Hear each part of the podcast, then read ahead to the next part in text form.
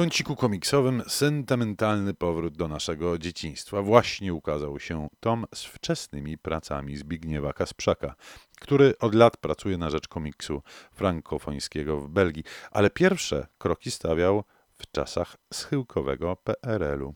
Ten tom nazywa się Bogowie z Gwiazdozbioru Aquariusa i zawiera w sobie rzeczywiście szereg, kilkanaście różnych e, prac. Niektóre z nich były wcześniej wydawane jako, jako takie zeszyty komiksowe, a niektóre ukazywały się tylko na łamach czasopism. Muszę powiedzieć, że to jest bardzo ciekawa lektura. E, przede wszystkim dominuje tutaj wątek kosmiczny. Tytuł Bogowie z Gwiazdozbioru Aquariusa pochodzi oczywiście od takiej znanej, ja każdej pamiętam z dzieciństwa, e, dwuczęściowej serii opowiadającej jeden z wielu wariantów lądowania kosmitów na Ziemi w czasach prehistorycznych. Bardzo modne były wtedy te opowieści, inspirowane oczywiście postacią i, i, i twórczością, tak to powiedzmy, Ericha von Denikena.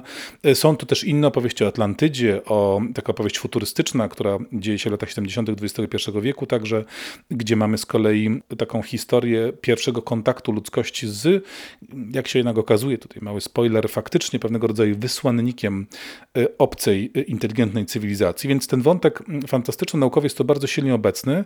Y, mamy właśnie z jednej strony te albumy kolorowe, wydawane wcześniej już, właśnie w latach 80., wznowione y, i powiększone, przez to lepiej można je obejrzeć, ale także mamy rzeczy, których ja kompletnie przyznam nie znałem wcześniej, czyli właśnie te drobne opowieści, drobne drobne historyjki, które y, rysował Kasprzak właśnie w tamtym okresie i to chyba one właśnie są y, dla mnie naj, najciekawsze, bo w nich pojawia się nie tylko taki, czasami jednak nieco toporny w tych głównych opowieściach scenariusz kosmiczno-naukowo-kontaktowy, tylko właśnie pewnego rodzaju hmm, fantazja, szaleństwo, to się bardziej zbliża na przykład do Fankiego Kowala, który w tym czasie przecież rządził duszami czytelników y, komiksów. Jednym słowem jest to trochę sentymentalne dla tych, którzy te czasy pamiętają, ale z drugiej strony całkiem interesujące dla, myślę, po prostu fanów i polskiego komiksu, i komiksu fantastycznego, czy fantastyczno-naukowego jako takiego. Bardzo ciekawy tom, który się wpisuje w taką linię wydawniczą y, wydawnictwa Egmont przypominania klasyków y, komiksu polskiego, głównie właśnie lat 70. i 80.